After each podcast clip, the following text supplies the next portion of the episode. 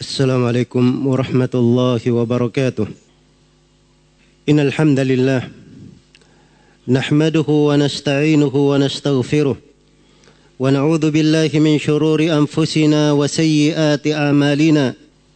من يهده الله فلا مضل له ومن يضلل فلا هادي له. أشهد أن لا إله إلا الله وحده لا شريك له وأشهد أن محمدا عبده ورسوله. يا أيها الذين آمنوا اتقوا الله حق تقاته ولا تموتن إلا وأنتم مسلمون. يا أيها الناس اتقوا ربكم الذي خلقكم من نفس واحدة وخلق منها زوجها وبث منهما رجالا كثيرا ونساء واتقوا الله الذي تساءلون به والأرحام إن الله كان عليكم رقيباً. يا أيها الذين آمنوا اتقوا الله وقولوا قولا سديدا يصلح لكم أعمالكم ويغفر لكم ذنوبكم ومن يطع الله ورسوله فقد فاز فوزا عظيما. أما بعد فإن أصدق الحديث كتاب الله وخير الهدي هدي محمد صلى الله عليه وسلم وشر الأمور محدثاتها فإن كل محدثة بدعة وكل بدعة ضلالة وكل ضلالة في النار. Ma'asyiral muslimin, jemaah Jumat rahimani wa rahimakumullah. Sebuah kisah di dalam Al-Quran. Allah subhanahu wa ta'ala berfirman, واسألهم عن القرية التي كانت حاضرة البحر إذ يعدون في السبت إذ تأتيهم حيتانهم يوم سبتهم شرعا ويوم لا يسبتون لا تأتيهم كذلك نبلوهم بما كانوا يفسقون وإذ قالت أمة منهم لم تعظون قوما الله مهلكهم أو معذبهم عذابا شديدا؟ قالوا معذرة إلى ربكم ولعلهم يتقون. فلما نسوا ما ذكروا به أنجينا الذين ينهون عن السوء وأخذنا الذين ظلموا بعذاب بئيس بما كانوا يفسقون. Dan tanyalah kepada mereka, wahai Nabi Muhammad, Tanyalah wahai Nabi Muhammad kepada orang-orang Yahudi yang berada di sekitar engkau tentang sebuah desa yang berada di sekitar laut di pinggir pantai di mana penduduk desa ini melampaui batas menyelisihi apa yang diperintah terkait dengan hari Sabtu. Mereka dilarang untuk mengambil ikan di hari Sabtu. Di hari Sabtu ini ikan muncul di laut tampak berada di permukaan dan pada hari selain dari hari Sabtu tidak seperti itu. Demikianlah kami menguji mereka karena mereka telah berlaku fasik. Maka sekelompok dari penduduk desa berkata kepada orang-orang yang melakukan amar ma'ruf nahi mungkar, "Kenapa kalian menasihati suatu kaum yang mana kaum ini Allah Subhanahu wa taala akan membinasakan mereka atau menyiksa mereka dengan siksaan yang pedih. Maka mereka menjawab, kami melakukan hal tersebut supaya kita memperoleh udur kepada Rob kalian dan supaya mereka orang-orang yang melampaui batas itu bertakwa kepada Allah Subhanahu wa taala. Maka tatkala mereka melupakan apa yang mereka diingatkan dengannya kami selamatkan orang-orang yang melarang dari kejelekan. Lalu kami binasakan orang-orang yang melampaui batas tersebut dengan siksaan yang pedih disebabkan karena kefasikan mereka. Sebuah desa di Bani Israel. Satu kelompok dari Bani Israel. Allah subhanahu wa ta'ala ceritakan. Berlaku pada mereka larangan. Tidak boleh mengambil ikan di hari Sabtu. Maka penduduk desa ini terbagi menjadi tiga kelompok. Kelompok yang pertama adalah kelompok yang melampaui batas. Mereka melanggar apa yang diperintah. Keluar dari ketentuan Allah Subhanahu wa taala, bermaksiat kepadanya. Mereka mengakal-akali perintah. Mereka berkata, bukankah kita dilarang mengambil ikan di hari Sabtu saja? Maka sekelompok dari Bani Israel ini mereka memasang jalannya, memasang perangkapnya sebelum hari Sabtu. Kemudian mereka biarkan hari Ahad baru diambil ikannya. Dan ini tahayul mengakal-akali perintah dan musibah yang menimpa mereka pada hari Sabtu tersebut diharamkan atas mereka untuk menangkap ikan. Tapi Allah uji mereka. Ikan justru datang pada hari Sabtu. Banyak sekali. Sampai tampak di permukaan. Kelihatan ikan-ikan yang gemuk. Sangat menggiurkan. Tapi pada selain hari Sabtu, ikan itu tidak tampak. Kadzalika nabluhum bima kanu yafsukun. Demikianlah kami menguji mereka disebabkan karena kefasikan mereka. Maka ini kelompok yang pertama. Kelompok yang kedua, mereka melarang mengingkari kemungkaran yang dilakukan oleh kelompok yang pertama. Dan mereka melakukan hal tersebut untuk menegakkan hujah terhadap mereka menasihati dan supaya mereka punya udur di sisi Allah subhanahu wa ta'ala. Karena itu mereka berkata ma'diratan ila rabbikum. Sebagai udur kepada Rabb kalian wala'allahum yattaqun. Dan supaya mereka orang-orang yang melampaui batas itu begitu selalu dinasihati diharapkan mereka bertakwa. Kembali kepada Allah Subhanahu wa taala berada di atas jalan meninggalkan apa yang dilarang. Dan kelompok yang ketiga kelompok yang diam. Mereka tidak melakukan perbuatan kelompok yang pertama dan mereka mengingkari hal tersebut. Akan tetapi mereka berkata, lima ta'iduna qauman Allahu muhlikuhum atau mu'adzibuhum adaban syadida. Untuk apa kalian menasihati suatu kaum, yaitu kelompok yang pertama, yang bermaksiat, untuk apa kalian nasihati mereka? Padahal Allah akan membinasakan mereka atau menyiksa mereka dengan siksaan yang pedih. Karena perbuatan dosa yang mereka lakukan pasti mendatangkan musibah dan adab. Maka setelah itu orang-orang yang menangkap ikan di hari Sabtu ini dirubah oleh Allah Subhanahu wa taala kunu kiradatan khasiin. Jadilah kalian sebagai kera-kera yang hina. Begitu mereka lupa apa yang diperintah. Anjayna alladhina yanhauna 'anis su' kami selamatkan orang-orang yang melarang dari perbuatan kejelekan. Diselamatkan orang-orang yang melakukan amar ma'ruf nahi mungkar. Wa akhadna alladhina zalamu bi'adabin ba'is. Dan kami siksa orang-orang yang zalim dengan siksaan yang pedih. Dengan siksaan yang sangat berat. Bima kanu yafsukun. Karena kefasikan yang mereka lakukan. Kaum muslimin jemaah Jumat rahimani wa rahimakumullah. Kisah ini pelajaran yang diabadikan di dalam Al-Quran. Di dalamnya terdapat berbagai pendidikan penting untuk setiap individu dan masyarakat muslim. Bagaimana ia bersikap terkait dengan perintah-perintah Allah Subhanahu wa taala. Di awal dari kisah Allah perintah kepada nabinya bertanya kepada orang-orang Yahudi tentang kelompok yang disebut dalam Al-Quran ini. Karena ini ada di kitab mereka. Dan orang-orang Yahudi sangat mengerti tentang hal tersebut. Tapi mereka menyembunyikan dari ilmu.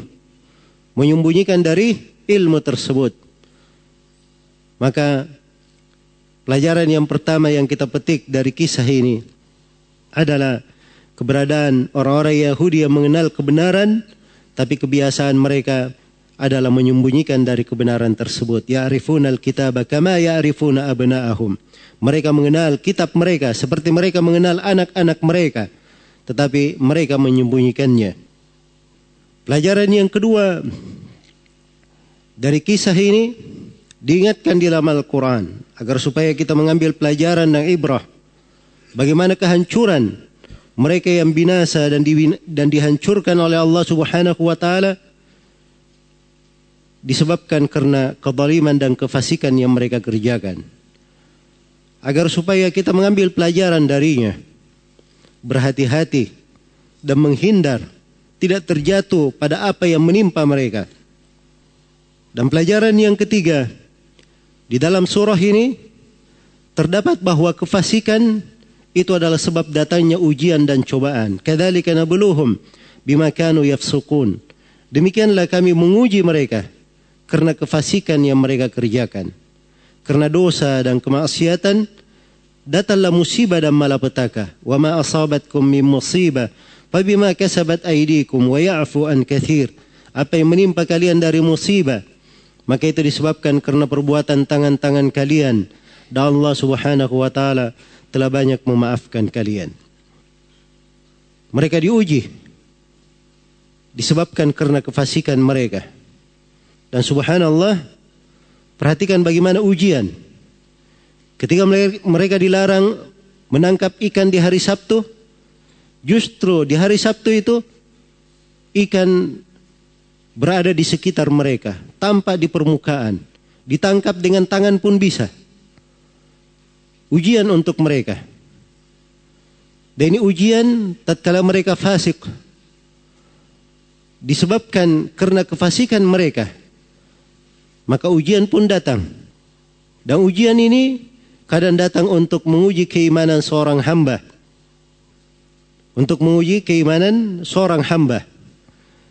Disebutkan oleh sebagian ulama bahwa ketika turun ayat terkait dengan larangan Ya ayyuhalladzina amanu la taqtulus sayda wa antum hurum wahai orang-orang yang beriman jangan kalian membunuh hewan buruan dalam keadaan kalian berihram maka hukum seorang apabila dia sedang ihram melakukan perjalanan haji atau umrah ada hewan buruan tidak boleh dia buruh tidak boleh dia buruh jangankan membunuhnya memanahnya ada orang yang pemburu yang lewat bertanya di mana hewan buruan lewat, tidak boleh dia tunjukkan. Supaya dia tidak ikut bersyirikat dalam memburu. Iya.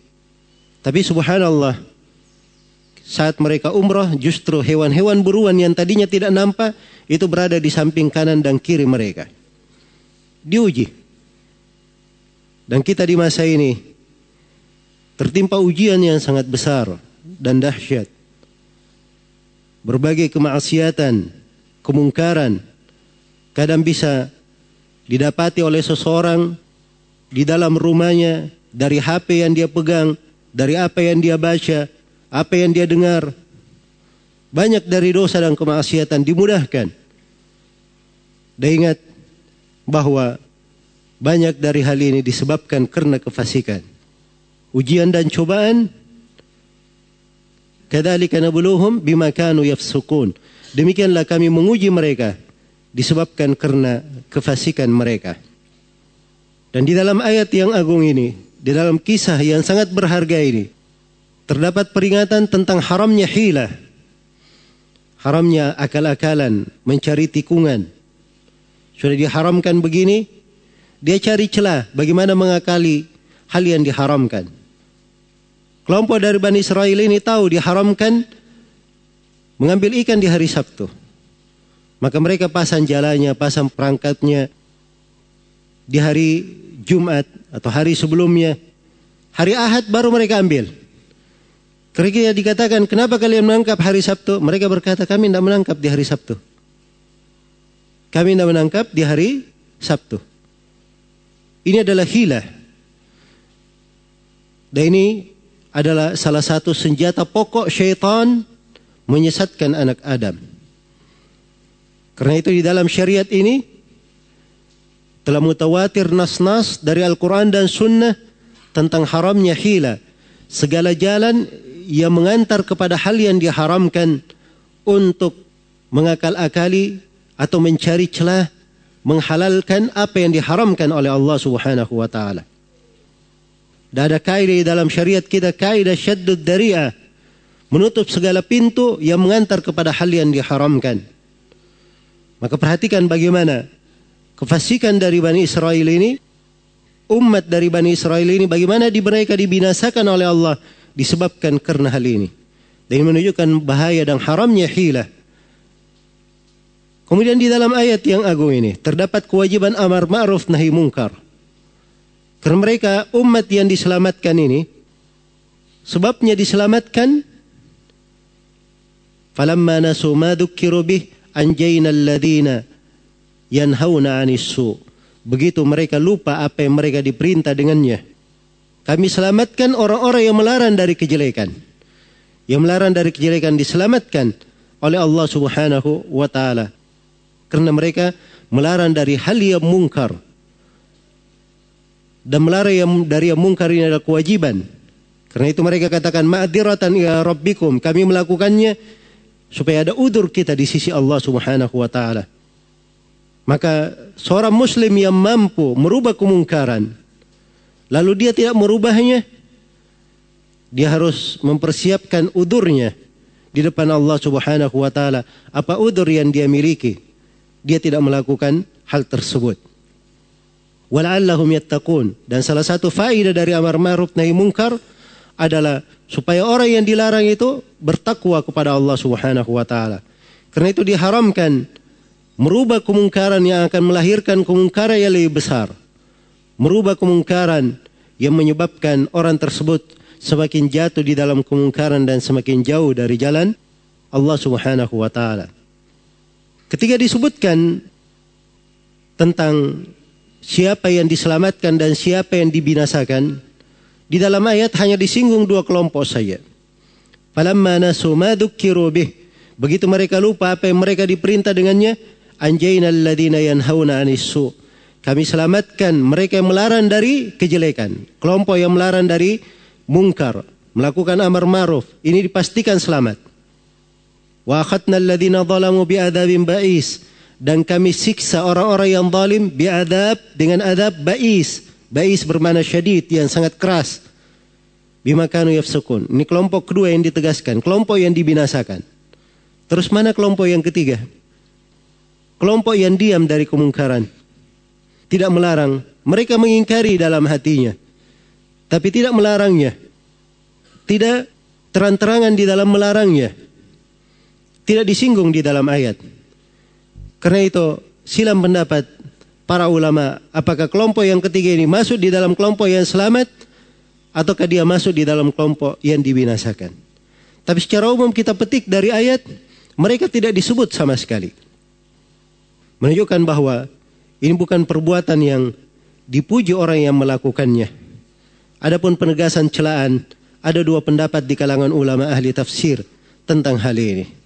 Karena itu hendaknya kita semua bertakwa kepada Allah Subhanahu wa taala dan melihat pada perintah-perintahnya. Di dalam kisah ini terdapat pelajaran-pelajaran yang sangat berharga yang harusnya menjadi pijakan untuk kita semua di dalam kehidupan.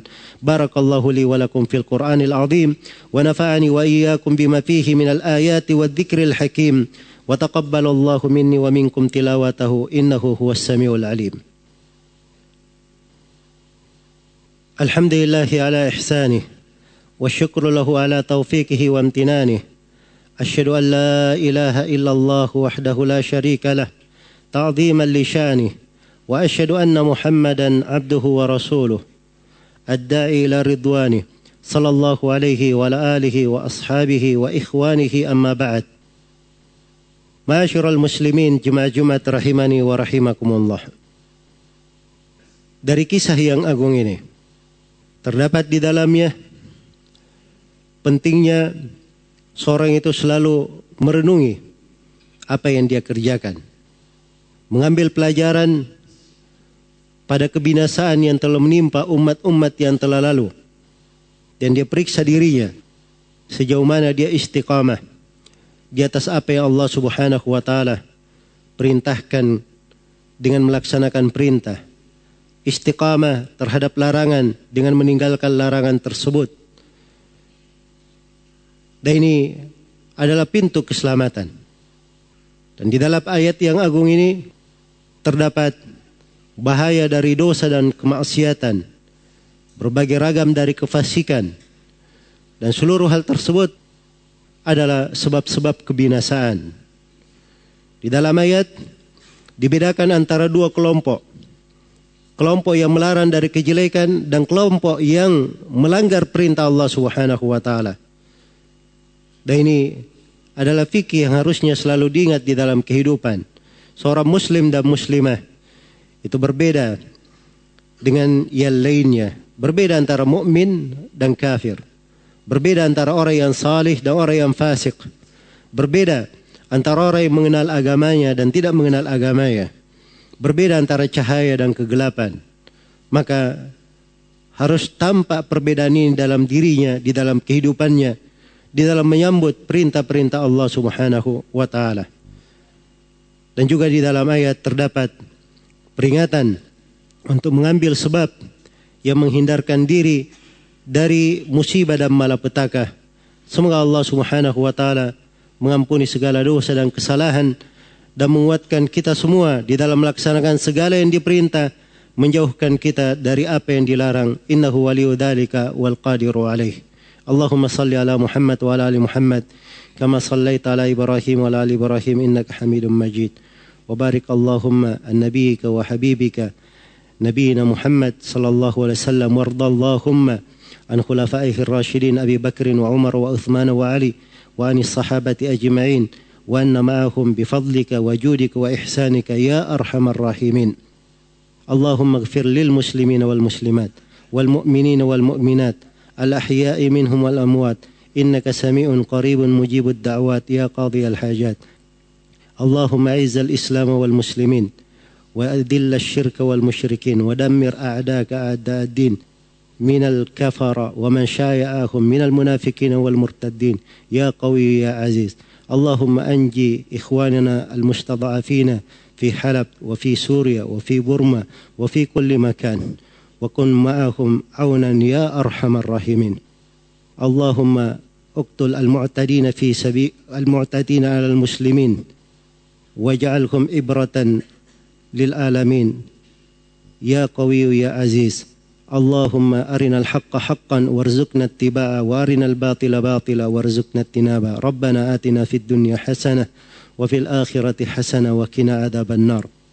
عباد الله إن الله يأمر بالعدل والإحسان وإيتاء ذي القربى وينهى عن الفحشاء والمنكر والبغي يعظكم لعلكم تذكرون. فاذكروا الله العظيم الجليل يذكركم واشكروه على نعمه يزيدكم ولذكر الله أكبر.